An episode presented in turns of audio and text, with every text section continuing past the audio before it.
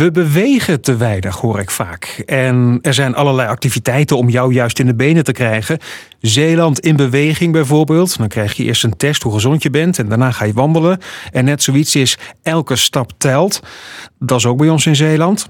Hallo, ik ben Remco van Schellen van Omroep Zeeland. En herinneringskrant Zeeuws Weerzien heeft me weer een foto gegeven om te praten hier in de podcast met Frans van der Velde. Goedemorgen Frans. Ja, goedemorgen Remco. Beweeg jij voldoende op je oude dag? Ja, gelukkig wel. Ik doe dat redelijk fanatiek met de edele tennissport. nou, dan pak ik gelijk jouw foto erbij. Want daarop zie ik dat jij een oorkonde krijgt omdat je al 60 jaar lid bent van de tennisclub DOS. Mijn vader was uh, fanatiek tennisser, wedstrijdspeler. En ik was altijd op de tennisbaan als hij daar was. Dus ik, ik denk dat ik als jongetje van uh, twee of drie al gewoon daar rondkroop. Ik had, eh, denk ik, al van jongs af aan zo, ik wil dat ook. Ik wil ook zo racketten, ik wil ook zo'n bal. Ja, papa achterna.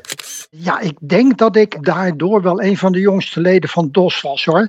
Maar er, was een aardige jeugdgroep toen ik begon te tennissen.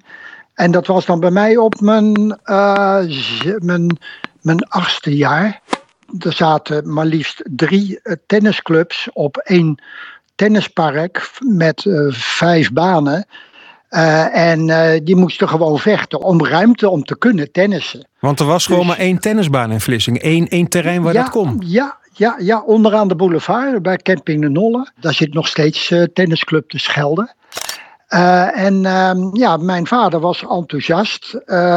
die was voor de PZC een grote rotatiehal aan het bouwen. Een, een drukhal voor een nieuwe drukpers.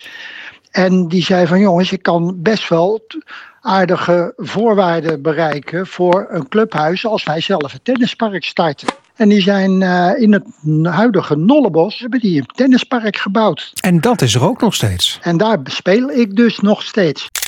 Ik denk dat toen uh, DOS begonnen is op Zwanenburg, dat uh, nou, had je flinke uitbreiding natuurlijk van capaciteit. En zijn ook allebei die tennisverenigingen even hard blijven groeien. Frans, ik zit nog met één dingetje. Want ja. de ballen. Ooit stond ja. daar een gekleurde stip op. Waarom stond die daar? Ja, die drie clubs die uh, bij, bij, uh, op de Nolle speelden. De clubs zorgden voor de ballen. Dus je, je nam niet zelf je eigen ballen mee. Nou, dat was natuurlijk gedoe. Want ja, we, van wie is nou die bal weer die daar op de Ja, van de ene club of van de andere club. En Dos zei, hey, wij gaan een oranje stip op die ballen zetten. Dus het wordt de oranje stip. Daar staat de naam ook voor, en, Dos. Ja, daar staat het voor. En dus niet door overwinning sterk en dat soort mooie kreten. Uh, maar de oranje stip. 15 leuk. Nou, Leuk, hè? wat een grappige uh, geschiedenis is dat. Jij moet in ja, elk geval ja. weer gauw naar het tennisveld om weer te bewegen, want het is gezond voor je, Frans. Ha, ha, ha, ha, zeker.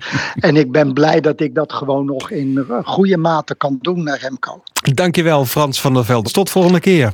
En als jij een keertje een verhaal hebt voor deze podcast van Zeeuws Weerzien, laat het maar even aan me weten. Dat kan natuurlijk via de mensen van de herinneringskrant Zeeuws Weerzien en via remco.van.schellen.omroepzeeland.nl.